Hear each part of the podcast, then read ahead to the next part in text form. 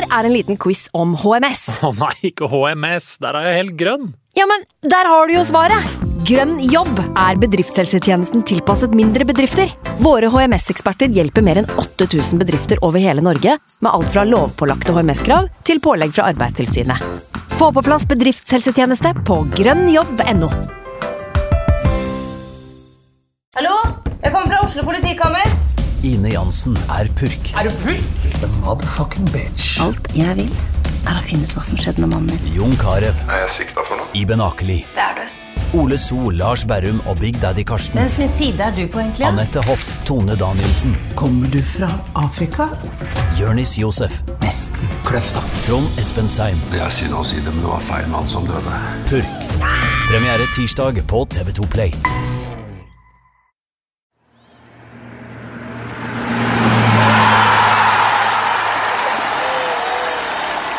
Podkasten er levert i samarbeid med Ford.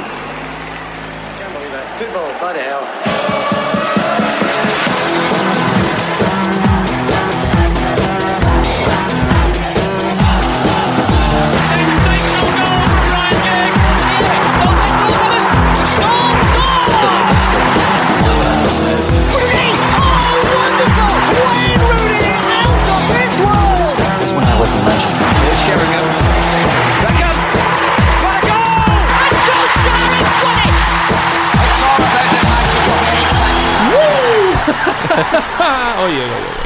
For en, eh, for en tid å være Manchester United-supporter på. Velkommen til United We Podcast. Mitt navn er Ken Vasenus Nilsen. Jeg har med meg Andreas Hedemann. Velkommen. Takk skal du ha, Ken. Eivind Brennovd Holt fra supporterklubben og United United.no. Velkommen til deg. Takk. Altså, eh, jeg syns vi bare må snakke om Arsenal-kampen, fordi eh, den har jeg ikke fått ut av systemet ennå. Eh, det var Altså, tida sto stille i 90 minutter, på en måte. Og det var eh, ja, en berg-og-dal-bane som man kom ut av, og så hadde man på en eller annen måte um, slått berg-og-dal-banen. Man, man vant over berg-og-dal-banen. Det var helt utrolig. Hvor skal vi begynne? Eivind? Må jo begynne bakerst. Ja. Eh, David G ødelegger jo den der XG-statistikken som det har vært så mye snakk om denne sesongen her. Den, den kan vi jo bare skrote. Ja, det derre Ja, hva som Ex expected, expected goals, goals. Ja. som det heter. Uh, Nei, tror, det teller jo ikke mot David Egea å gjøre det. Det er jo, han bryr seg ikke noe om expected, han.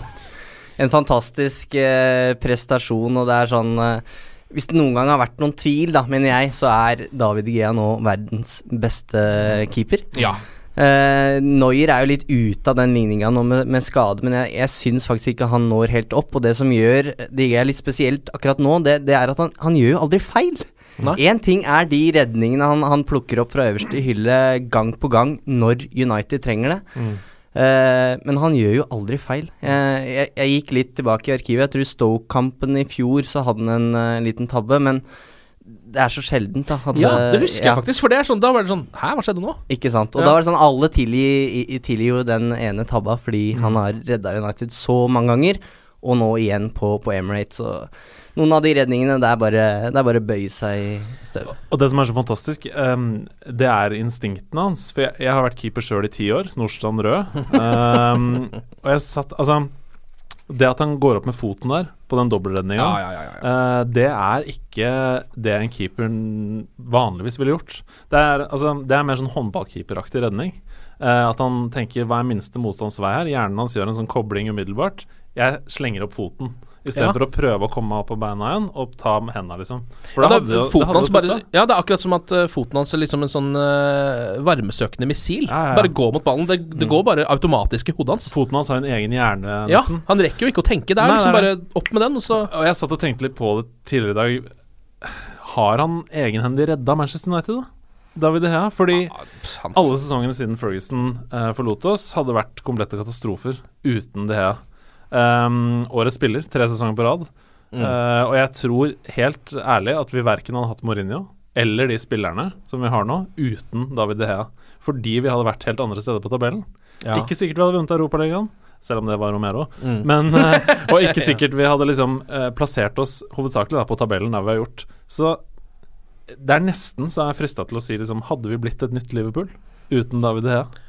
Og så står det respekt av det at David Igea har blitt værende gjennom Moyes, gjennom van Gaal, og, og er der nå fortsatt. Mm. Så den dagen han eventuelt reiser til Madrid, så bør alle United-supportere huske eh, de åra som han faktisk har, har vært på Old Trafford. Eh, kanskje er det derfor han blei så god, for han fikk så mye å gjøre. Men, men eh, vi skal huske på det. Cristiano Ronaldo ville til Madrid, og han, eh, han reiste til Madrid. Madrid. Altså han, hvis, hvis De Gea absolutt ville til, til Real, så tror jeg han hadde vært der. Ja. Eh, så det, det syns jeg også er veldig gøy. At eh, det går an å ha litt lojalitet i 2017 også. Og så kan vi egentlig oppkalle en tribune etter den faksmaskinen, fordi den har hjulpet oss ganske mye. eh, Den dårlige koblinga på den Er faksmaskinen da som har reddet oss? Nei, det, han hadde jo altså 14 redninger, ble det talt opp av Oppda. Helt Eh, utrolig. Og hvis ikke Young hadde eh, dratt seg ut av muren der og redda det ene frisparket, så hadde han nok hatt 15 og Ja. satt den eh, evige rekorden. Ja, Men, men det nå, nå ble det vel en tangering av en sånn tidligere rekord. Jeg så at Det som også er litt sånn spesielt, er jo at eh, 14 redninger er jo vanligvis ikke en keeper på topplag pleier jo ikke å ha 14 redninger, for man pleier jo ikke å trenge det. Så liksom de andre som man nå er tangert med, er jo Tim Krohl og Vito Manone. Og det er ikke dårlige keepere, det, men det er liksom ikke Det er ikke David De Hea-klasse over de keeperne, da. Nei, det var, det var rett og slett vakkert å se på David De Hea der ute. Det var jo liksom, som du var inne på, Eivind, så er det jo de derre sinnssyke redningene hans er jo én ting, men han, han gjør Altså, han tar alle de skuddene som han på en måte skal ta, men som fort kan bli en retur eller eh, skape en corner, en unødvendig corner sånn. Tar, altså, han er så sikker bak der, da. Han hvis, sa jo selv at han følte seg uovervinnelig i løpet av den kampen, og det skjønner jeg jo til en viss grad. Mm. Og, og hvis han eh, gir retur, da, så gir han, bare legg merke til det, ofte retur i et helt ufarlig rom. Han slår aldri ballen rett ut i, i beina på en angrepsspiller igjen, eh, rett foran egen 16-meter. Den går enten langt ut til høyre eller opp eller Altså, han har en sånn helt enorm kontroll over alt det han gjør. Eh, selv om det noen ganger ser ut som bare en sprellemann, liksom, så er det en baktanke bak det. Ja, og så ser man jo altså alle de spillerne, alle spissene i Premier League som prøver å score på David Hea. Du ser jo at de pisser litt i buksa idet de kommer gjennom. Det er sånn Fankeren, nå er jeg alene med keeper. Egentlig en drømmesituasjon, men der står han jævelen. Det her kommer ikke til å gå, og det gjør det ikke heller.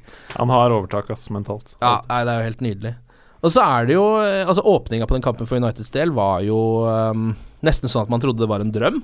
Uh, det gikk jo så enkelt og greit i starten her. Begynner jo med Pogba som spiller fram Antonio Valencia.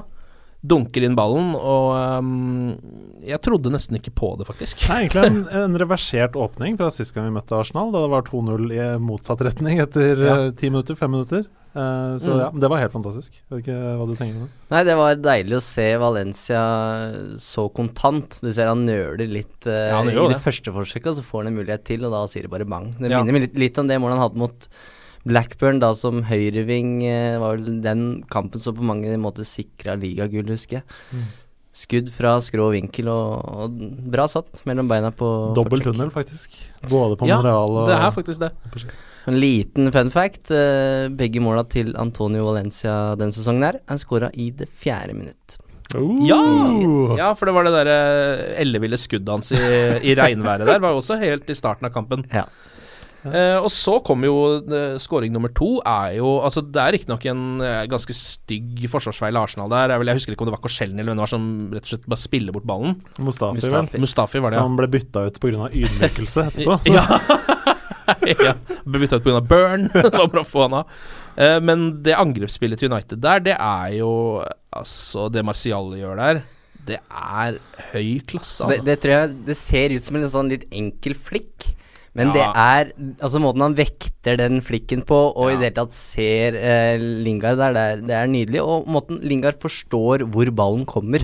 ja. Eh, så nydelig. Mm, Ja, Nydelig den- angrepsfotball. Den rotasjonen der, den er liksom ja, Det er uh, verdensklasse, og kanskje grunnen til at veldig mange også mener da, at toppnivået til Martial er høyere enn toppnivået til Rashford, f.eks. Mm. eksempel Så er det veldig gøy, som du sa, Ken, det var liksom å være i en drøm når United har leda 2-0 der. Og før kampen også, så fikk Wenger Han fikk da spørsmål om uh, den fantastiske formen som Arsenal er i.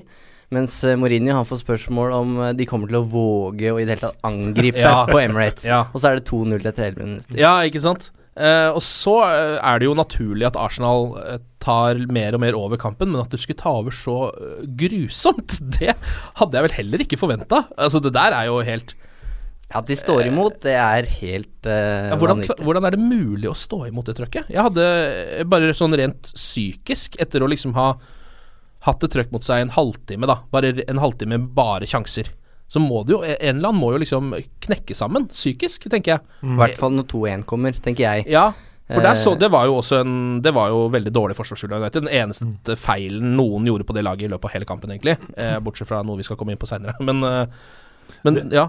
Ja, det jeg syns er gøy, da, det er um, Altså, Marcos Rojo, han er, han er gæren i huet, liksom. Han, han, har, han har ingen eh, Han er ikke redd for noen ting. Jeg føler at han har vokst opp med sånn pistol mot tinningen uh, annenhver Ja. uke i favelaen. Fordi det er sånn uh, Han spiller ikke en spesielt god kamp mot Arsenal, men likevel så bare smiler han hele tiden. Det er sånn Å, uh, Arsenal har pressa i 20 minutter og har holdt på å score og score og score, og Rå løper rundt på banen og ler og smiler og Jeg bare tenker sånn Hvordan Hva er du lagd av, liksom? Ja. Sånn mentalt, da. Hvorfor er du på en måte så naiv at du fortsatt tror dette går bra? ja.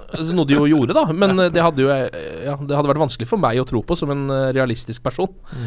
Nei, det var Det er gøy å se på uh, Rojo, som åpenbart liker å forsvare seg, men han er veldig heit, Ja, syns er jeg. Oh, ja. Eh, og du ser eh, han lager et frispark bl.a. utafor 16, som da er vel, det er vel da Young eh, rygger og, og redder eh, ballen der. Men, Mm. men eh, jeg er litt spent. Vi skal snakke mer om City etter hvert, men eh, ja. Rojo mot Aguero, Jesus, Sané og Stirling. Det kan lukte både straffe og rødt kort. Japs. Ja, det kan det absolutt. Det lukter jo alltid litt grann svidd av Og altså litt rødt kort lukter det, på en måte. Og for all del, det, er- deilig med tenning og vi skal ha trøkk, men eh, det er jo en balanse der. Ja, jeg er helt enig. Ja, han er jo også en mann som kan gi bort noen straffespark. Og City um, Det er mulig at det, jeg er litt sånn partisk der, men jeg føler at de får straffespark hele tiden. Det er sikkert bare en følelse. Eh, skal vi Jeg vet ikke, er det noen eh, andre ting bortsett fra eh, at Jesse Lingard skårte et mål til? Uh, og er uh, on fire om dagen. Altså, dette her er jo sesongen også, hvor spillere som vi har gitt opp, bare reiser seg som Mm. føniks fra asken. Uh, Lingard er en av dem.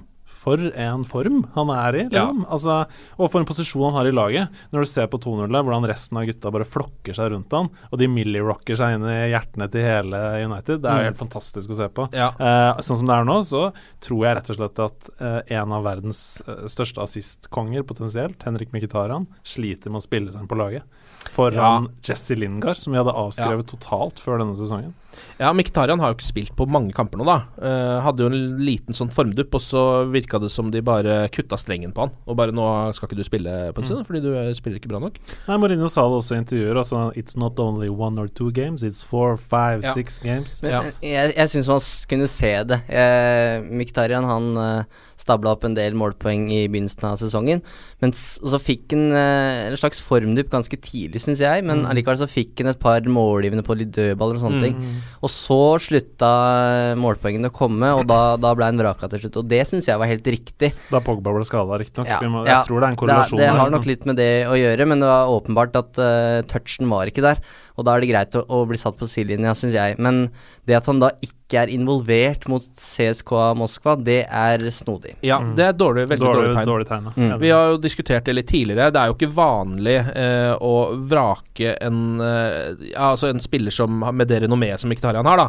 Eh, så kraftig som det Mourinho har gjort. Vanligvis så gir man kanskje et par kamper på sidelinja, men så kommer han sakte, men sikkert litt inn, eller får i hvert fall noen muligheter til å vise at han fortsatt duger. Men det har jo ikke Mkhitaryan fått, da.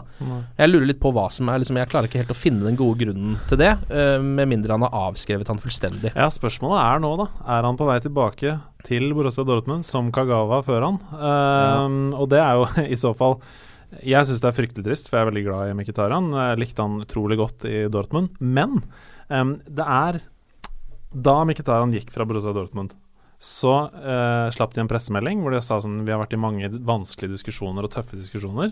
Ehm, men vi har ikke noe valg. Vi må slippe han nå, for han, neste år så går han free agent. Ikke sant? Mm. Så vi, får, vi har fått et sjenerøst tilbud, og vi slipper han nå. Vi ønsker Henrik Mkhitaryan lykke til i Manchester United og Europaligaen, Skrev de nederst i den pressemeldingen. Og det var et stikk, fordi han gikk fra en Champions League-klubb Ja. til en Europaliga-klubb.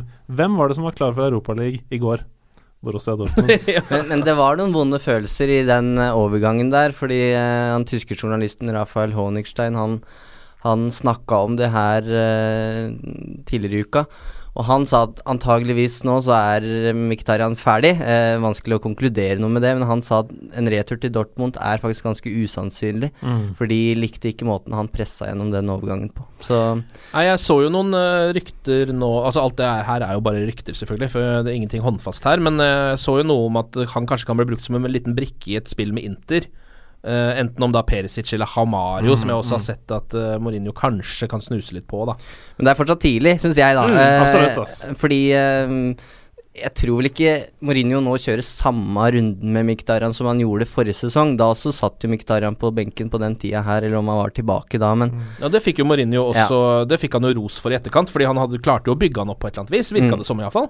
Men om han, om han nå skal gjøre det samme, det virker kanskje litt, litt rart. Men jeg, jeg tror nok Mkhitaryan er tilbake på et eller annet tidspunkt. Eh, at det rett og slett er snakk om en liten timeout. Jeg tror ikke han blir satt helt ut av laget. Det syns jeg er veldig Nei, jeg håper ikke. Jeg, håper han sakte, men sikkert dukker opp litt nå. Altså Rundt juleprogrammet nå, så er det jo såpass mye kamper ut nå at eh, Altså for eksempel nå Det dukker jo opp noen FA-cupkamper mot Derby her etter hvert, og de, de må han jo det må jo være lurt å la han spille de, Mm, mm. for så udugelig er jo ikke Henrik Mkhitaryan ikke til å spille jeg er jo- fotball. Jeg er helt enig med deg også, at um, inntil nylig så hadde han jo på en måte Han var på topp av assist-lista, nå har KDB gått forbi han, men Ja. uh, jeg tror også at de målpoengene ljuger litt, altså. Uh, han ble satt i en del situasjoner hvor, um, hvor han fikk uh, assist som ja, var liksom ferdig, ferdig assisterte. Ja, jo så var han jo også Det her var jo en litt sånn eh, Det var jo en litt merkelig start på sesongen. Lukaku skårte på alt. Uh, Mm. Mkhitaryan hadde assist på alt. Alt var liksom rulla og gikk litt, da. Så, for, for å gå litt tilbake til poenget ditt, Ken, så uh, Mkhitaryan hadde jo passa perfekt i denne Arsenal-kampen her. Altså, Ja. det, er, det er dette han er lagd for. Eh, og så godt som United kontra der har de Mm. aldri gjort før. Ja. Mm, ikke med Mkhitaryan heller. Og så er det da Lingard som tar den rollen. Mm. uh, og jeg syns det er kjempegøy. Altså sånn Ja. lokal gutt som, som bare er blid og, og byr på seg sjøl, og, Mm. Og jobber for eh, alle managerne han har spilt for. Så det er Jeg spådde jo, jeg spådde jo Lingard som toppskårer før forrige sesong i denne podkasten. Det var kanskje litt forut for min tid, men eh, hei. eh, det kan skje. Ja, nå har han dunka inn tre på to, så nå ja, ja. veit vi jo ikke helt hva som skjer. Nei, men det er Jeg er også enig, det er jo deilig, for han er liksom en sånn det, Han er jo en u utrolig likende type, uh, Jesse Lingard. Og så er det liksom et eller annet med at han selv nå, etter disse prestasjonene, så spiller han fortsatt liksom litt på nåde. Mm. Skjønner du, Det er liksom ingen som egentlig tror at han er god, og så er han jo så god! Så det er liksom blir litt sånn derre Men han er så vinnerskalle. Dere må, eh, for alle som hører på, hvis dere ikke følger ham på Snapchat, eh, så anbefaler jeg på det groveste. For han eh, altså, han legger ut så mye videoer. For det første er han bestekompis med Rashford. og De er jo sammen 24 timer i døgnet. Jeg føler de nesten bor sammen. Eh, men de driver og bowler hele tida. og så spiller de pool hele tida. Og hver gang um, Lingard gjør noe bra, enten på pool eller setter en strike, så er det liksom opp i kameraet og bare yeah! ah! Som om han har liksom vunnet VM-gull uh, hver gang Ja. han får en strike. Og det digger jeg, da. At Ja. han har sånn vinnerinstinkt. Ja, han, ja, han, ja, han er den typen. Han er sånn som jubler opp i trynet ditt når han vinner i yatzy. Liksom. Han dabber over bordet opp i trynet ditt. Eh, og så kom jo den ene de, negative tingen med Arsenal-kampen, eh, nemlig Pogba. Eh, som jo er ute mot City eh, og i to kamper til fordi han fikk rødt kort. Og det um, Hva tenker du om det røde Eivind, vi begynner med deg. Hva syns du om det røde kortet? Nei, for å ta den forklaringa som alle sier, så, så er det sånn Når du ser det der og da, så tenker du gult. Mm. Uh, og så ser du det i reprise, så blir det på en måte verre og verre for hver gang du, du ser det. Han stempler jo Mkhitarian Nei, unnskyld. Bellerin veldig, veldig stygt. Men det er jo noe med måten eh, Bellerin setter seg ned i en slags hockeyredning, eller hva det er for noe han prøver på. Altså Det er på. umulig å unngå å tråkke han et eller annet sted på, Ja. den, på det beinet, da. Så sånn sett så er det på en måte litt selvforskyldt fra, fra Bellerin, da, men eh, eh, intensjon har jo ikke noe å si da i fotball, bortsett fra når det gjelder hens. Så Mm. jeg syns det er greit med rødt kort, men tre kampers karantene for en sånn takling, det syns jeg er for strengt. Det hadde holdt med ett, men eh, Ja. det, det får de jo ikke gjort noe med. Så Nei, er det ikke direkte rødt? Det er alltid tre, er det ja, ikke det? så, Ja. så sånn er det bare. Men uh, vanskelig situasjon. Ja. Hva Jeg syns det er helt uh, Unnskyld språket, for jævlig, rett og slett. Uh, jeg, jeg så Dag Langerød sammenligna det med en forsvarsspiller som kaster seg ned med hodet først i 16-meteren, uh, der hvor det er naturlig å slenge fram beinet. Og det er, syns jeg er et godt bilde. da. Pogba prøver å vinne ballen, og Bellerin utsetter seg selv for farlig spill. Mm. Uh, så jeg er helt enig, det er et helt greit rødt kort. Men um, jeg har jo et naivt ønske om at intensjon skal begynne å ha noe å si. Uh, for Pogba, vi vet alle sammen at han er den minst skitne spilleren av samtlige i Premier League. Så at han ønsker å stemple Bellerin der, det er bare tull.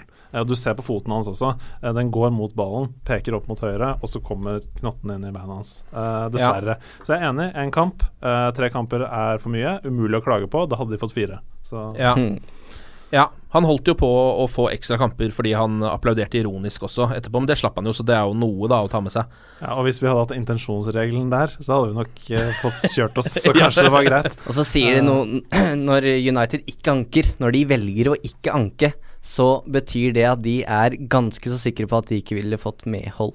Ja. Eh, så sånn, man kan diskutere det opp og ned, men antageligvis så sånn etter boka, så var det her greit. Ja. Og med unntak av City, så er det jo ikke den verste perioden heller. Eh, det kan godt hende at eh, en del av spillerne våre får direkte rødt i løpet av sesongen. Sånt skjer, liksom. Mm. Eh, og da at vi skal møte West Brom og Everton, er det det?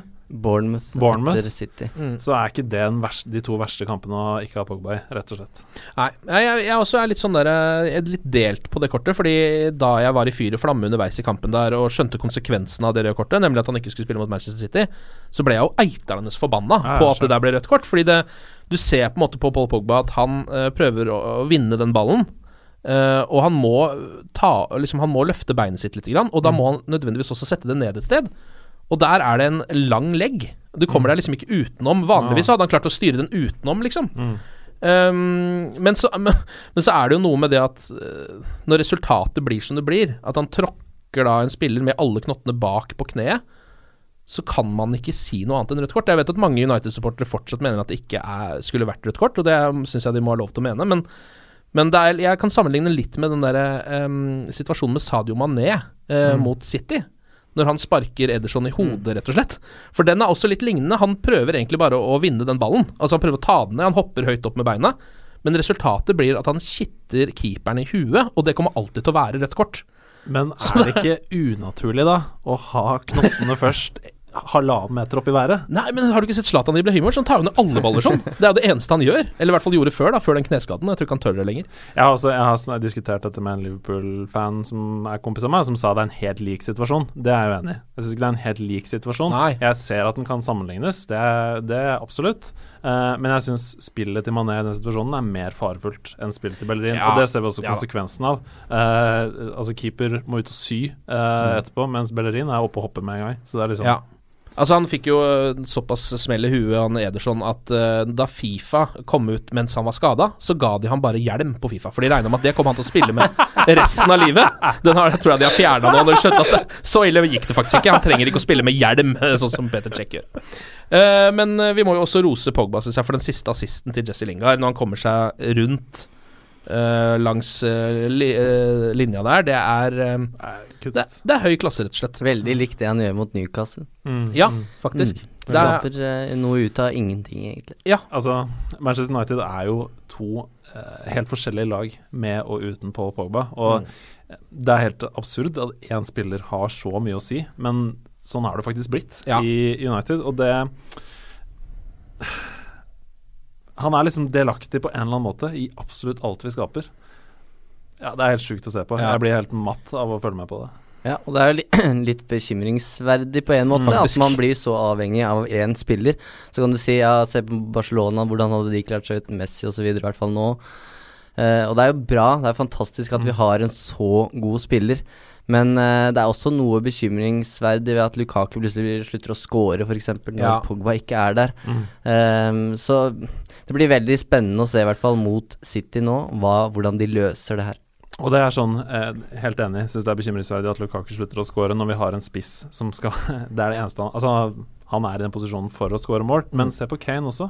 Eh, nå har Ali og Eriksen hatt fryktelig svake perioder, og han skårer nesten ikke. Nei. Um, så han, altså, han trenger også å få de ballene. Um, Ja, ja. mm. Og Lukaku er jo en klassisk spydspiss. Han gjør jo lite alene. Han gjorde litt for Everton på kontringer, husker jeg. Han pleide å dundre av gårde og gå forbi et par mann og skåre, men det har vi ikke sett så mye av United ennå, da. Ja, og så syns jeg han har vært veldig god de to siste kampene mot Arsenal og CSKA. Ja. Eh, selv om det bare har blitt ett mål, så syns jeg han var veldig god mot, eh, mot Arsenal. Han brøyt jo vei og, og knuser de Arsenal-stopperne i, i eh, duellen, og det er sånn det tredje målet skapes, vel. Ja. Så, ja. Og da, Jeg syns også han har vært liksom eh, ganske sånn sikker i det offensive pasningsspillet. Jeg syns tidligere han kanskje slurva litt der, men nå har han truffet på mange sånne viktige tredje siste baller, da. Som han slår opp, så jeg, altså, jeg syns ikke det går an å klage på Lukaku, men jeg håper han skårer litt mer mål. Når det er sagt, så Mourinho sier han eh, bryr seg ikke om, eh, om hvor mange mål eh, Lukaku skårer. Eh, og jeg, men jeg tror det er en grunn til at Lukaku har spilt nesten alt, og det er at Mourinho vil at han skal få den godfølelsen av få inn noen goller. Så nå Mm. fikk han måte litt betalt for å bruke Lukaku i den betydningsløse kampen mot, eh, mot Moskva. Og så Mm. får vi håpe at han uh, er optimistisk før eh, Derby. Det var en god klem, ass. Ja. Eh, han ble bytta ut der. Åh, det var så godt å se. Det var far og sønn. De er glad i hverandre, Ja, de de to. er jo det. Skal vi ta uh, Uniteds tre beste spillere mot Arsenal? Det er jo ikke, en, det er ikke så lett, egentlig. Fordi der var det elleve ganske gode spillere. Uh, hvem har lyst til å begynne? Jeg gir ordet over bordet her. Ja, jeg kan begynne.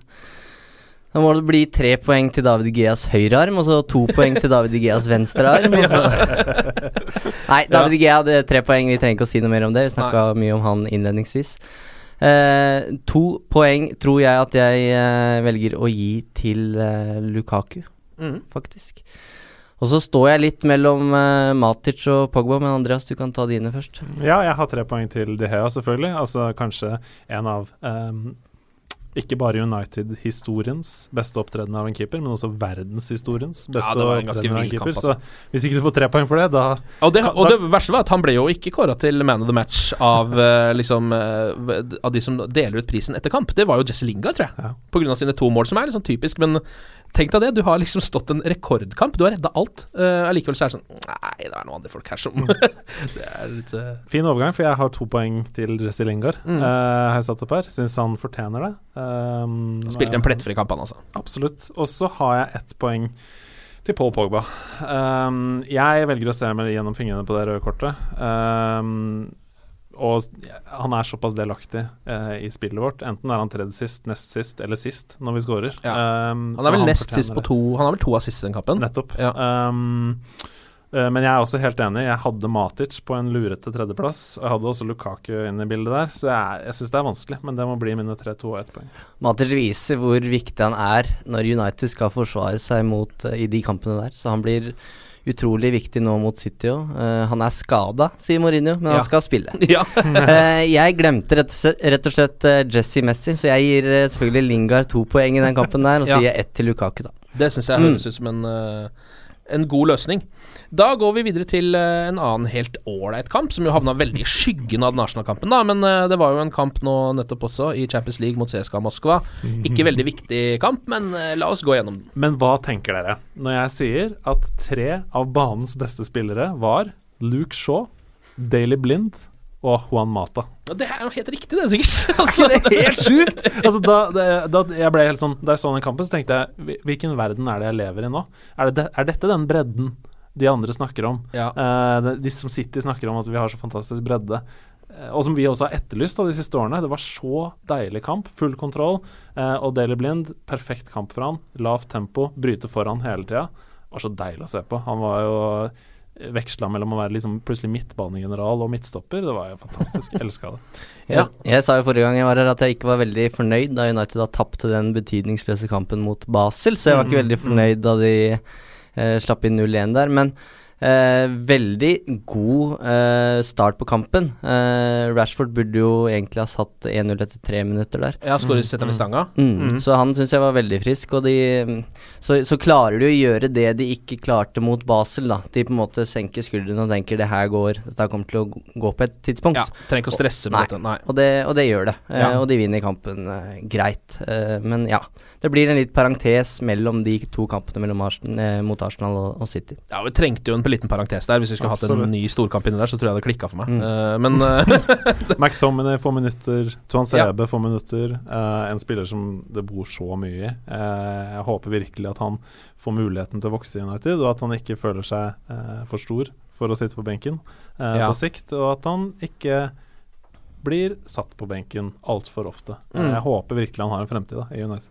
Det var litt synd at ikke Zlatan fikk noen minutter den kampen, syns jeg. Uh, han var vel hvilt, rett og slett, så vidt jeg skjønte. Ja, Mourinho forklarte det etter Han forklarte det før uh, kampen. Han sa, sa det at uh, må jobbe såpass hardt med dette kneet sitt at det i perioder betyr at han ikke kan, kan spille. Eh, så han har rett og slett blitt hvilt nå de to siste kampene. Litt rart nesten å hvile en spiller mot Arsenal, men, eh, Mm. men eh, han måtte ha hvile og er tilbake mot City, da, antageligvis som en super, supersub. Ja, og tenk deg det. Bare tenk deg det. Det skal vi snakke om etterpå. Uh, ok, um, vi kan bare dra, kjapt dra gjennom det som skjedde i CSKA-kampen. Det er jo 1-0 mot der. Eh, en, et mål som jo alle tror er offside, inkludert meg selv. Eh, så ser jeg ikke at Daily Blind ligger jo faktisk utover reklameskiltene der og er surrer med et eller annet. Og det er jo regelen der er det jo kanskje grei å være obs på, at du er faktisk med i spillet selv om du eh, ligger utafor banen, så ikke gjør det. Eh, Fordi da er det ingenting som er offside hvis du ligger der ute daily. og så er det jo Lukaku og Rashford som i løpet av vet, hva er det, to minutter, kanskje, eh, snur det. Eh, Lukaku med en, en litt sånn deilig scoring, sånn kraftscoring. Holder uh, forsvareren bak seg og får en nydelig liten lobba ball fra Pogba. Og klarer liksom å sette den. Jeg syns ikke det er så, ser ikke så lett ut å Nei, score. Altså. fordi det der er vanskeligere enn det ser ut. Um, å kontrollere den i, Ja. i, i motsatt hjørne av der han kommer. Så det, det syns jeg er en flott scoring. Ja, og også sikkert en av grunnene til at Mourinho var så happy da med Lukaku etter kampen. Mm. Og så er det jo Rashford sitt mål etter en gjenvinning der, og Mata eh, som eh, chipper ballen gjennom til Rashford, som skårer sikkert. Det er liksom oppskriftsmessig opplegg, da. Og så virka det som de bare tenkte at nå spiller vi på halv maskin inn og roer det ned. De, de eh, CSKA Moskva så ikke veldig farlig ut, og det gikk jo helt greit. Da ble det gruppeseier, da, i Champions League. Eh, Dessverre. Dessverre. Ja, eller det der kan man jo sånn, Man kan jo regne litt på det, men jeg har sånn sett det, Jeg så et regnestykke som var sånn at hvis Altså, av de lagene som man kan kalle for de litt sånn svakere lagene, da, uh, i Champions League, så har du Nå har United rundt sånn 50% sjanse for å møte et av de. Hvis de ikke hadde vunnet uh, gruppa, så hadde det vært rundt 33. Så det er en liten uh, statistisk forskjell der. Den gr- trekninga tror jeg ikke er før om en, uh, en halv Er det på mandag, ja? Mm. Ja, ikke sant? Den var vel den 11. eller noe sånt? Ja. Eh, og United kan jo da møte fortsatt Bayern, Juventus, Sevilla, Shakhtar, Porto og Real Madrid, så det er liksom fortsatt ikke Jeg bare håper at uh, trekninga er så rigga som alle andre fans vil ha det til, og så trekker vi Sjaktar, og så går vi videre. ja. sier jo Mourinho da før rett eller kampen mot Moskva at eh, han er alltid så innmari uheldig i de trekningene her, så det var samme for han hva det blei. Er ikke det bare piss? ja, og så José Mourinho liksom Det er så tullete. Det er, er det én mann det ikke er samme for, så er det også Mourinho. Vi, vi måtte jo faktasjekke det her da på United.no tidligere i, i dag, og da Realiteten er jo selvfølgelig han har vært heldig, og han har vært uheldig eh, Ja. i åttedelsfinaler, da. Eh, Ja, siden det er en trekning, så er det, går det alle veier, ja. merkelig, det der, altså. Så det er ingen som er ute etter José Marino. Det syns jeg er litt rart at ikke det er noen er konspiratorikere som er sitter og liksom prøver å trekke han mot gode lag, eller Faen, for en type. De må... bare én dag oppi det hodet. Jeg lurer på hvordan det hadde vært. Åh, slitsomt. Ja, det tror jeg er litt slitsomt. Ehm, deilig med den eh, kampen. eh, så etter, eh, etter kampen så legger Paul Pogba ut et bilde på Instagram. Han er ganske dyktig der. Um, og da skriver han jo at det var deilig med denne seieren her. Synd at ikke jeg kan spille mot Manchester City osv. osv. Og da er en av de liksom første kommentarene som dukker opp der nede, er da en neve, en fist, fra P. Diddy, altså Puff Daddy. som tydeligvis digger Paul Pogba. Det syns jeg, synes jeg er deilig å tenke på, av en eller annen grunn. Skal vi ta topp tre United-spillere her òg, eller? Ja. Andreas, du kan jo starte. Ja, jeg har eh, mannen alle, inkludert meg selv, har avskrevet, og som jeg trodde skulle selges i januar. Luke Shaw på tre poeng. Ja, han spilte en veldig bra kamp, han. Han var helt fantastisk, og hvis han fremstår sånn som det, så er han vår beste venstreback. Ja, men jeg tror det er enkelt for han å spille de kampene, for han er jo så mye bedre offensivt enn defensivt. Uh, så de der CSKA Moskva hjemme tror jeg er perfekt for han. Tror liksom de storkampene kan bli litt verre, altså. Og jeg, hør, jeg, så jeg hørte på forrige episode av denne eh, eminente podkasten, og da fortalte du at det hadde lekket ut noe um, Ja. At Luke Shaw sammen med Antonio Valencia var den med best treningsresultater Ja. uh, i United-troppen, Ja. som jeg ble sjokkert over. Men du så noe av det Uh, mot CSKA. Et ekstremt rykk, som om det var gamle dager. Ja. Uh, så ja, tre poeng til han. Mm. Eh, to poeng til Blind. Syns han spilte en kjempegod kamp, og som jeg var inne på i stad, perfekt for han. Kunne bryte foran hele tiden, lavt tempo. Og ett poeng til Lukaku. ja. Den, er, den er grei, den. Mm. Eivind? Jeg gir også tre poeng til Shaw. Syns det var eh, Altså, han fikk muligheten, og han tok den med begge hender. Mm. Fortsatt ganske sikker på at den veien tilbake, eller til en fast plass, er ganske lang. Eh, han må fortsatt eh, overbevise Mourinho. Vi har vært på det punktet her før med Luke Shaw. Ja, Der var det. vi også forrige sesong, og så bare ramla korthuset helt. Mm. Så øh, han starter nok ikke mot City nå, men liksom neste mulighet så må han bare fortsette da å grave dypt og hente fram en sånn prestasjon som det der. Og det er, no, er det noe vi trenger, så er det jo en venstreback som har liksom Altså, han har jo noen uh, kvaliteter, Luke Shaw, Ja. offensivt. Det var jo det ene, ene mot CSKA der, så har de et angrep hvor de spiller som Manchester City, f.eks. Mm. Altså den der ut på kant, inn til en i midten, så klarer jeg ikke så å treffe uh, Martial, eller hvem det var som var i midten, eller Rashford sikkert. Rashford, ja. Ja, men allikevel, det er liksom eh, Han gir en ja, Det er en ny dimensjon med en så kjapp back, altså. Mm. Og det, jeg syns det var gledelig å se han, fordi det er som du sier, han uh, ikke bare god defensivt, det var offensivt også. Han er Nesten som en wingback uh, fram og tilbake. Mm. Og jeg har sett noen av de kampene han har spilt for U23-laget. Ja, det, du, du faller jo litt ned når du, når du spiller der på det nivået, men det har liksom ikke vært noe å prate om. Det har vært en helt anonym uh, Ja. kamp i, i Ja. Som ikke har, ikke har overbevist meg, i hvert fall, men det her var noe helt annet, så det var gledelig. Og så må vi huske at um, eh, vi satt her før sesongen og ikke visste hvem som skulle spille venstreback. Vi satt her og Ja. snakka om Mm. sånn Ok, er det Blind? Er det Darmian? Vet ikke. Vi Mm. har, vi har ikke noe tydelig valg. Nå har vi plutselig både Young og Shaw som gode alternativer på venstreback, og det er jo helt fantastisk. For Ja. en overraskelse. Ja, det er bra, det, altså. Mm. Eh, Jeg så jo Shaw er jo fortsatt linka til Er det Newcastle som driver og dukker opp i eh, ryktebørsene nå.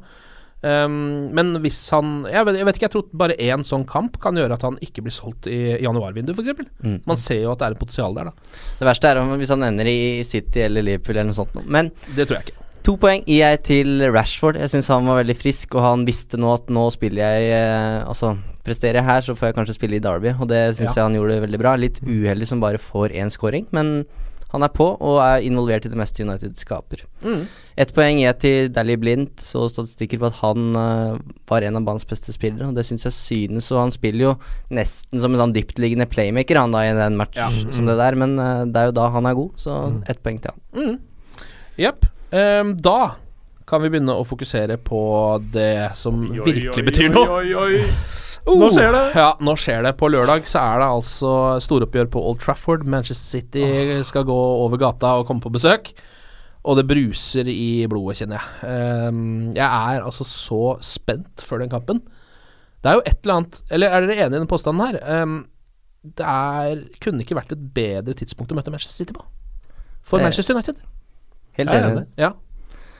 Vi snakka litt om det før vi kom inn her. Um, de har én dag kortere hvile enn oss før denne kampen, hvis man tenker veldig i, det, Detaljene. I, det, i detaljene. De spilte bortekamp i minusgrader i Ukraina, Mm. uh, selv de om det var med B-laget. Ja. Men de tapte. De var ikke hjemme uh, før liksom i tretida natt til torsdag. Uh, så det går jo utover på en måte restitusjonen også på torsdagen. Og de har slarka seg til seire mot Huddersfield, Southampton og Westham uh, de siste tre kampene. Som Altså, mange sier sånn dette er tegnet på en mester. At de greier Ja. å avgjøre de kampene til 2-1. Det er jo Vi har jo vært i den situasjonen før under Ferguson. At vi har liksom Fergie time, og vi har, vunnet, vi har gjort uavgjort-resultater til seire som vi har slitt med de siste årene. Så det, det er en styrke. Men samtidig så er det første gang de viser svakhet. Det er den perioden de er inne i nå. Uh, vi kommer fra en 3-1-seier på Emirates. Uh, har masse selvtillit og stemning i laget. Ja, vi mangler Pogba. Det er et stort problem. Ja. Men jeg mener at hvis vi taper den kampen mot City, så har vi ingenting å skylde på, rett og slett. Nei, Det eneste er Paul Pogba, Uh, at han ikke er med. Uh, og United med uten Pogba, det er to forskjellige lag. Så hvordan United skal skape noe i den kampen Vi husker jo den matchen på Anfield. Uh, United klarte jo ikke å angripe. Det nytta jo ikke uansett hva de ja, Det virka ikke som de prøvde engang. Så det er det store spørsmålet, syns jeg. Kommer Mourinho nå til å tenke akk, ja, uten Pogba, vi må gå for ett poeng. Ja. Dette må bli 0-0 eller 1-1. Men hvis han ser på den tabellen, så kan han jo nesten ikke gå for et poeng. Kan, kan det forsvares å gå for ett poeng i den kampen? Jeg tror de lever med ett poeng i den kampen. Så lenge de unngår tap, så tror jeg det, det lever litt. Uh, men spørsmålet er Tåler Mourinho det? Er mitt spørsmål. For vi, vi snakka om den Liverpool-kampen i ukevis. Eller om ikke. United-supporterne gjorde det, så gjorde alle andre det. Og bare ja, Mourinho Uh, Typisk Mourinho. Kjedelig. Han er ikke, er ikke god nok der. Så, og Paul Trafford Altså, vi hadde jo et intervju med Solskjær på United.no, og han sier at hvorfor skal, hvorfor skal vi reise til Anfield og underholde 50 000 skausere? Så han lo jo av den kritikken. Mm. Men som han sa, på Old Trafford der er det litt annerledes. Ja. For der har vi et ansvar Mm. for å eh, underholde United-fansen og, og ta tak i kampen og skåre mål. Mm. By på seg sjøl og underholdende fotball. Og det er jo det segmentet i den fantastiske United-filmen som er produsert av BBC, hvor han tar med seg en ung um, Det er vel Bobby Charlton ut på gresset der og sier Der borte står uh, gruvearbeiderne. Der borte står de som eh, sjøfarerne. Der borte står Det er vårt ansvar. Dette er den eneste dagen i uka hvor de har fri. Ja, ja. Eh, Dette er den eneste dagen hvor de kan glemme det miserable livet de lever. Det er vårt ansvar å underholde. Og det håper jeg fortsatt er i ryggraden da, til United. Så det blir veldig spennende å se eh, om hvordan United går ut. Hvis de tør å gå ut som de gjorde mot, eh, mot Arsenal, så er det veldig gøy. Men de skal ikke presse City for høyt. For de er såpass ballsikre at de kommer til å spille seg ganske lett igjennom det, den United-midtbanen. Ja, og Hvis de får Eh, litt bakrom med Stirling og Sané, så er det bare å glemme det, altså. Mm. Uh, så det, jeg tror, føler at det er ve- veldig risikabelt å gå ut sånn som de gjorde mot Arsenal, kanskje. Ja, og uh, nøkkelen er jo selvfølgelig å stoppe, i første omgang i hvert fall, Kevin De Bruyne og, og David Silva. Så blir det spennende å se hva, øh, hva har Mourinho Hvilken plan har han lagt for å stoppe de to? Én ting er å stoppe når Andre Herrera stopper Eden Hazard. eh, men nå er det to stykker. Han kan ikke sette Matic og eh, Herrera på hver sin mann. Det nytter ikke. Eh, skal Lingard trekkes tilbake? Nei, det blir, det blir spennende å se Mm. hvordan han løser det der.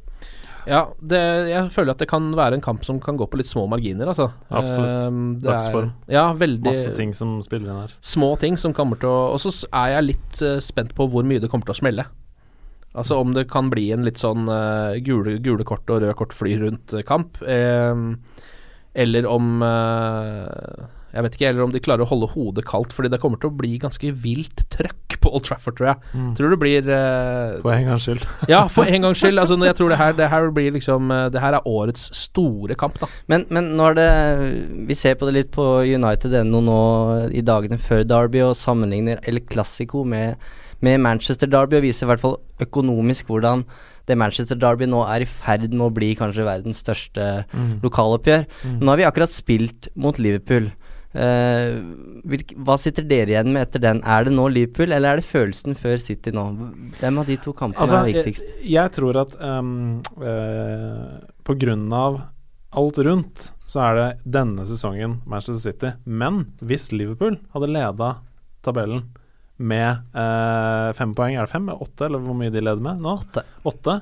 Så hadde det vært minst like. Altså Hvis vi hadde vært utfordrere og ligget og jaga bak der mot Liverpool, eh, og vi skulle ta imot dem på, på Old Trafford med åtte poeng opp, så hadde det vært like stort oppgjør. Men pga. Liksom Guardiola, Mourinho og eh, all historien som ligger der, og også The Noisy Neighbors og alle pengene som bare vi føler da eh, at eh, United har fortjent de pengene, men City har bare blitt sprøyta masse liksom, saudiarabiske penger inn. Ja. Nå eh, ryktes det at de har bydd på Messi, liksom. Hvor skal det slutte? Mm. Eh, det, grunnen til det der da, gjør at det er liksom sånn, mye sånn sinne involvert i det oppgjøret, som kanskje ikke er så tilstedeværende mot Liverpool hos yngre, og da mener jeg 30 og nedover, supportere. Ja, jeg er litt enig. Jeg føler at uh, Altså, jeg føler at Manchester City er i ferd med å ta over den uh, store, det store rivaleriet til Manchester United. Um, og det, nå foreløpig så er det ikke nok um, det er, De har ikke nok år på baken. Det Derby har ikke nok år på baken ennå. Uh, det selvfølgelig De har spilt mot hverandre i mange år, men det har vært mot et annet Manchester City. Det kan ikke sammenlignes engang. Um, men nå har det jo på en måte vært Liverpool som har Det er sikkert ikke så mange Liverpool-supportere som liker å høre det, men jeg ser ikke på Liverpool som en kjempestor utfordrer til noe ligagull. Det har jeg ikke gjort på ganske lenge. Nei, det var første gang de kom seg videre fra gruppespillet i Champions League siden 2008, i går. Ja. Det sier jo alt. Det er Ja. nesten ti år. Ja, ikke sant. Og på samme tidspunkt i fjor, da det gjelder Det var vel i september, eh, første kampen mellom Guardiola og, og Mourinho på engelsk jord, så var det jo litt sånn avventende stemning. Mm. Man visste ikke helt hva, hva, hva er City-prosjektet til, til Guardiola. Kommer Mourinho til å klare å løfte eh, United? Mm. Nå sitter vi med mange flere svar. Vi veit nå at nå er det Guardiola som er i førersetet, og United er avhengig av poeng Mm. for å henge med. Eh, så det Den kampen her det, det, er- nå det, det er nå det skjer. Det er nå det, Det er nå det det er nå vi må henge med. Om det ikke avgjøres nå, så er det i hvert fall det Derby her som, som kommer til å telle. Så det her er sesongens kamp Ja, i Premier League. ja. For United, i hvert fall. Ja, jeg Ja. tror altså, um, For City for... også. Altså Hvis de vinner denne kampen, så har de på en måte vunnet ligaen. Ja. Det, er, altså, det høres dumt ut, men det, er, det Altså, kan man nesten si. Altså. Jeg jobber med å være tabloid hele tiden. Ehm, og jeg mm, sier det så tydelig at hvis vi vinner denne kampen, så vinner vi serien. Det tror jeg.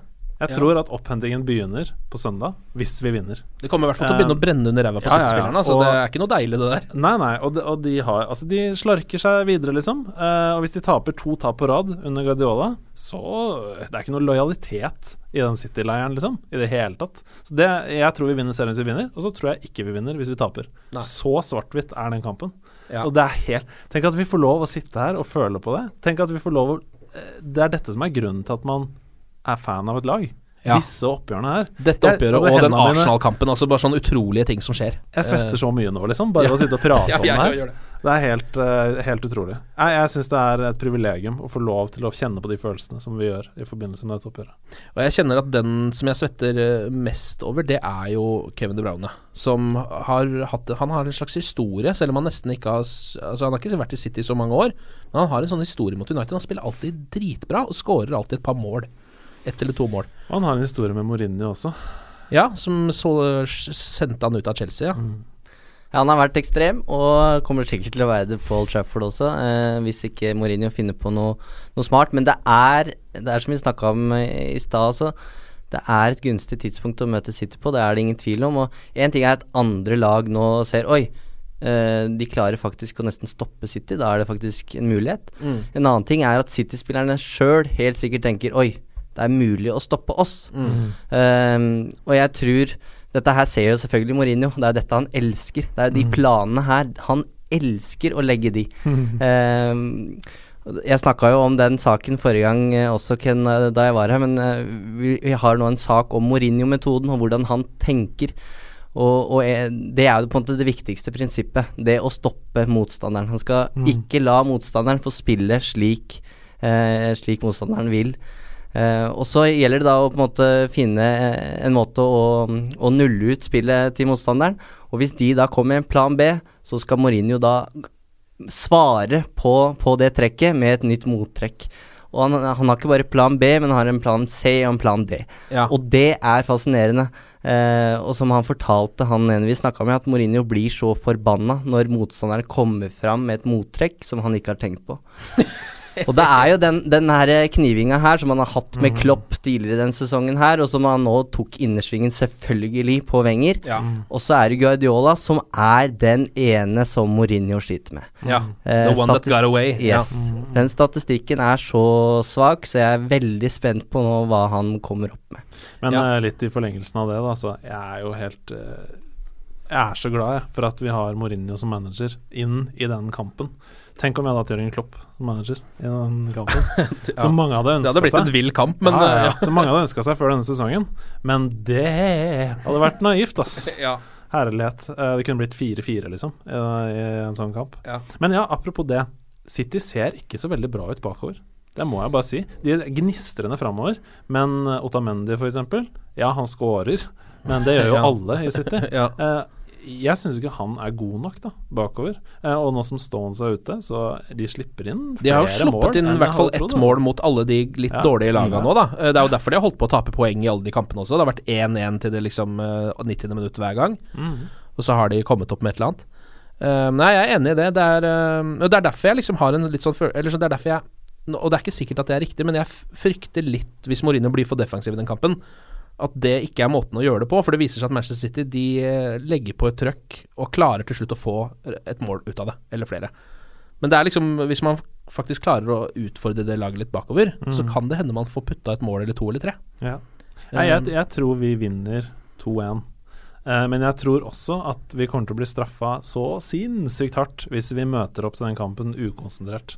Bare, altså bare et øyeblikk ukonsentrasjon, så er det kjørt, liksom. Det tror jeg ikke. Det må i så fall være nerver som eh, skaper mm. Eller overtenning. Eller overtenning, ja. Mm. Eh, og da ser vi på deg, Marcos Rojo. Eh, Og Jesse Lingard. ja, og Jesse Lingard, ja. Så er det også Nå er det spillere som er avgjort for City i sluttminuttene de siste kampene, men United har også um, veldig mange formspillere. Og jeg syns innledningsvis i sesongen så var liksom hele City i form samtidig. Ja. Det var sånn De Bruyne, Silva, Jesus Ja, så kom Stirling og Sané inn og bare plukka med seg et pa par målpoeng eh, Ja. eh, på, mm, på slutten der. Fernandinho dunka inn skudd fra 40 meter, og det var jo helt idiotisk der. Ja. Og nå virker det som de har fått en litt sånn kollektiv eh, svikt, mens United nå Vi mener jo at Lukaku nå er i form om han ikke bøtter inn mål. Eh, har vi et frispark, så kan jo Ashley Young eh, prøve seg på Mhm. det. Jesse Lingard, Marcus Rashford, Anthony Martial. Altså det er, mm. det er uh, bra trøkk. Det jeg er litt bekymra for personlig, er den Trebekslinja. Eh, Ja, tror du han kommer til å gå ut med tre i den kampen, eller? Jeg tror han stiller med samme lag som mot Arsenal, eh, og så blir det Herrera inn for Pogba, tipper jeg. Helt enig. Ja. Det tror jeg også. også litt som Martin Jøndal snakket om eh, tidligere denne uka her, at eh, Fellaini ble en joker mot slutten av kampen. Mm. Kanskje. Mm. Um, helt, helt enig i det. Eh, Men det er fordi Men jeg bare Når de har kjørt den der 4-3-2-1-formasjonen sin, som de også har spilt en del eh, denne sesongen, så har de sluppet inn veldig lite mål. Eh, har kanskje ikke vært eh, forrykende framover heller, men eh, Jeg vet ikke, men nå har de jo vi har jo spilt flere kamper med den uh, Trebekslinja, da, og det har jo gått uh, altfor bra. Så jeg, skjø det er sikkert, jeg skjønner jo at det er fristende å fortsette med det, selvfølgelig. Mo- ja, Mourinho spiller jo da i utgangspunktet tre eller fem da, bak, om du vil, uh, mot antatt sterkere motstand. Og nå har jeg veldig anførselstegn her, sånn at Ja. ikke folk tror at jeg uh, favoriserer City. Um, og så spiller vi fire bak mot antatt svakere motstand, eller kamper som vi skal Ja. vinne. da um, Så jeg er helt enig. Jeg tror vi går ut med tre slash fem bak. Um, Men dere tror det blir Herrera, eller hvordan er Fordi vi skal ta skadene litt nå, men Fellaini er jo en av de som er litt sånn um, Han kommer til å være i troppen, men kanskje ikke han er liksom 100 spilleklar. Altså Er det noe med å kaste noen inn i den kampen som har vært ute med skade? Det kommer Husk at det er ikke bare noen, det er Marion inn i dette her. Det er, Det er noe med tempo i den matchen, Ja. uh, og tempo er jo ikke Felainis styrke. Så jeg, men jeg skulle gjerne sett den som en joker, som du Mm. sier, Andreas, på slutten. Det, det tror jeg kan bli gull verdt. Eh, men bare for å ta det litt tilbake til, eh, til eh, forsvarslinja, det er også der skadene er. Mm. Så jeg er ikke helt overbevist om at, eh, om at det er deres fortjeneste at United har vært så sterke defensivt. Um, 14 redninger på Digea, det er ikke Ja. et kompliment til, til ei forsvarsrekke. Eh, og hvis du ser på Jeg syns det ligger litt i kortet åssen City eventuelt avgjør det her, skjønner du. Uh, målet United slipper inn mot uh, Chelsea, er jo et innlegg fra dypet til, til Morata etter at Jones støter, og så er, er det ikke Smalling vel som forflytter seg bak der. Eh, målet mot Arsenal, eller baklengsmålet, er en chip fra Sanchez inn til eh, til Ramsey. Og igjen, det er trevekslinja trevektslinja som ikke henger med. ja. Eh, måten City avgjør mot Westham Innlegg eller en chip inn til, Ja, eh, til David Silva. Så det er Jeg veit ikke, dette er tilfeldig, men, men det er et eller annet som ikke fungerer helt der, og nå skal de støte på De Bruyne og David Silva. ja. Nei, det, ja. Men tror du Smalling starter? Jeg tror, eh, jeg tror han stiller med det samme, men uh, det kommer litt an på, på skadene. Jeg tror Mourinho er veldig glad i Phil Ja, Jones. for jeg tror nemlig Jones starter for Eh, Smalling. Så hvis han er klar, så kanskje han da tar den plassen. Men da, da tror jeg det er Smalling som ryker. Jeg tror Ja, det Lindeløf er, er med. Lindeløf, Rolf, Lindeløf har vært bra i det siste, altså. Bak. Altså, vi kan jo ta skadene. da Pogba er jo suspendert, selvfølgelig. Han spiller ikke. Um, Bailly og Michael Carrick kommer ikke til å spille. De er fortsatt skada. Og så er det jo Fellaini og uh, Fellaini kommer til å være i troppen, er jeg ganske sikker på. Uh, Jones er litt sånn usikkerhet rundt. Jeg tror han også er i tropp, men han er ikke helt 100% Han har vært i full trening uh, denne uka og er, forve er forventet tilbake til denne matchen. Om Ja. det er i startoppstillingen, vet vi ikke, men at han er i troppen, det tror jeg. Ja, og så er det jo da Nemanja Matic som er skada, but he will play for sure, som Mourinho sa. Um, og så er det jo selvfølgelig da Zlatan Ibrahimovic som også kommer til å være i den troppen. eh, 100% sikkert, da. Så, men hvem håper dere liksom starter av Marcial og Rashford, f.eks.? Jeg syns jo Marcial har vært eh, har på ingen måte spilt seg ut av det laget. Men så hadde Rashford en ganske frisk eh, opptreden nå i Champions League.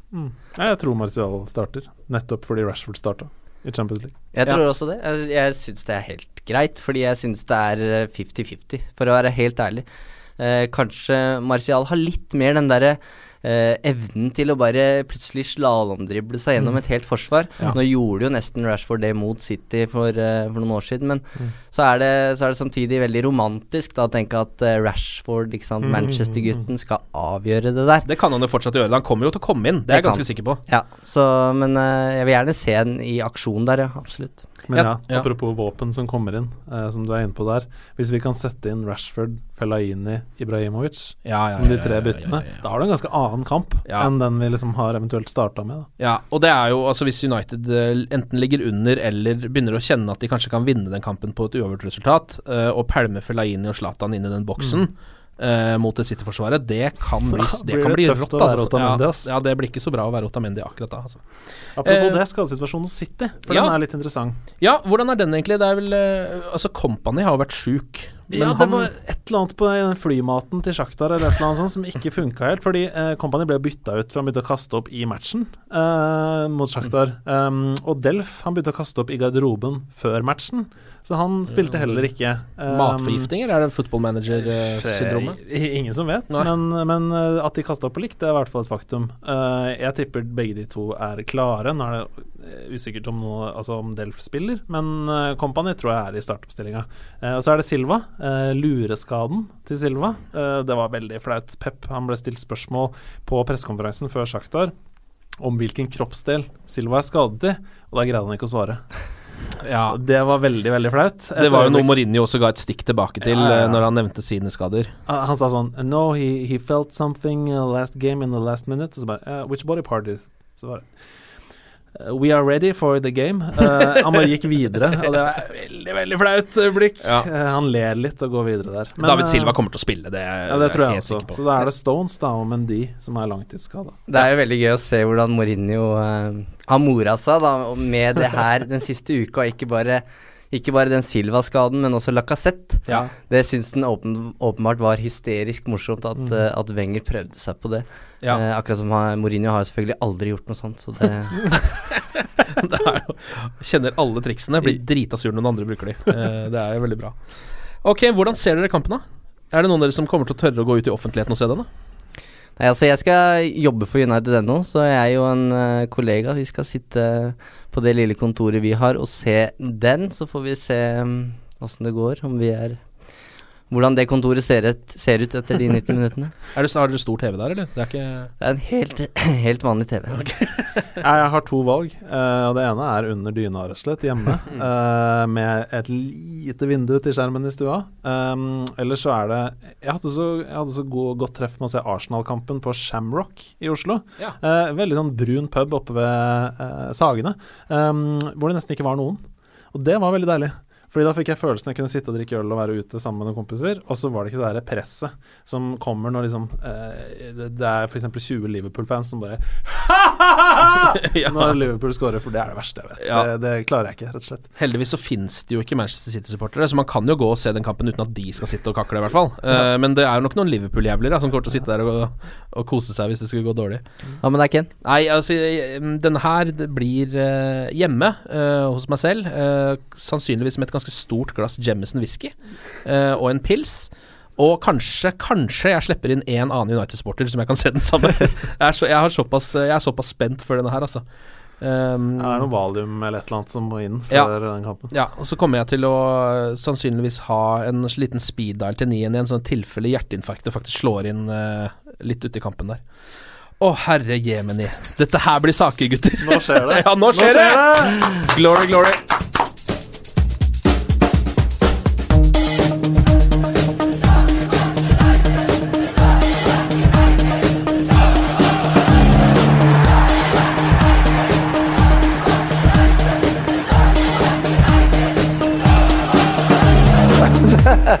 Oh, it's true. I've seen many things.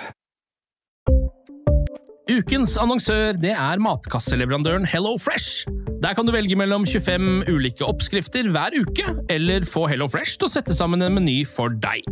Jeg sparer tid på å handle, oppskriftene er veldig enkle å lage, og så får jeg akkurat det jeg trenger da, til hver eneste rett, så jeg slipper å kaste så mye mat som jeg vanligvis gjør. Det er også litt deilig å faktisk slippe å gå på butikken, ikke bare fordi det er tidkrevende og sånn, men fordi man ender opp med å kjøpe så mye greier som man egentlig ikke trenger, sånn som fire poser eh, Smash og en Kick med havsalt, eksempel. Det er ikke det du egentlig er der for, du er der for å kjøpe, kjøpe middag. Så det er en veldig eh, kjekk ting. I tillegg så er det jo eh, ferdigporsjonerte ingredienser, det blir mindre matsvinn, og du betaler bare for det du faktisk trenger, og det du faktisk da spiser. I tillegg så blir det da levert på døra til et fastsatt tidspunkt, sånn at du kan få det akkurat når det passer for deg eh, sjæl. Hvis Hello Fresh høres ut som noe for deg, så har jeg en rabattkode du kan bruke også. Gå inn på hellofresh.no og bruk koden HelloUnited24. HelloUnited i ett ord, også 24, og få opptil 1779 kroner i rabatt på de fem første matkassene dine hvis du ikke har prøvd Hello Fresh ennå. Du kan også bruke koden hvis du tidligere har vært kunde, men har stoppa abonnementet ditt for tolv måneder siden eller mer. Det er ingen bindingstid, og du kan pause eller avslutte abonnementet ditt akkurat når du selv måtte ønske. Husk koden HelloUnited24, og bon appétit! Ukens annonsør er Folio, en smartere banktjeneste for deg som har en egen bedrift eller ønsker å starte for deg selv. Folio er en superenkel nettbank for bedrifter. Som kunde i Folio får du en bedriftskonto med et bedriftskort og app. I denne appen er det smarte løsninger som forenkler regnskapet ditt, uansett om du har en liten bedrift eller et enkeltpersonsforetak. Folio er både intuitivt og brukervennlig, og er laget med et enkelt språk. I tillegg tilbyr de forutsigbare priser og ingen skjulte gebyrer. Skulle du likevel trenge det, så kan du snakke med deres raske og hyggelige kundeservice, og der får du prate med en faktisk person og ikke en chatbot. Folio er med andre ord både enklere og koseligere enn banken. Over 10 000 bedrifter har allerede valgt Folio som sin banktjeneste, så besøk folio.no og se hvordan Folio kan forenkle din hverdag også. Har du et enkeltpersonforetak eller en liten bedrift? Da er du sikkert lei av å høre meg snakke om hvor enkelt det er med kvitteringer og bilag i fiken, så vi gir oss her, vi. Fordi vi liker enkelt. Fiken superenkelt regnskap.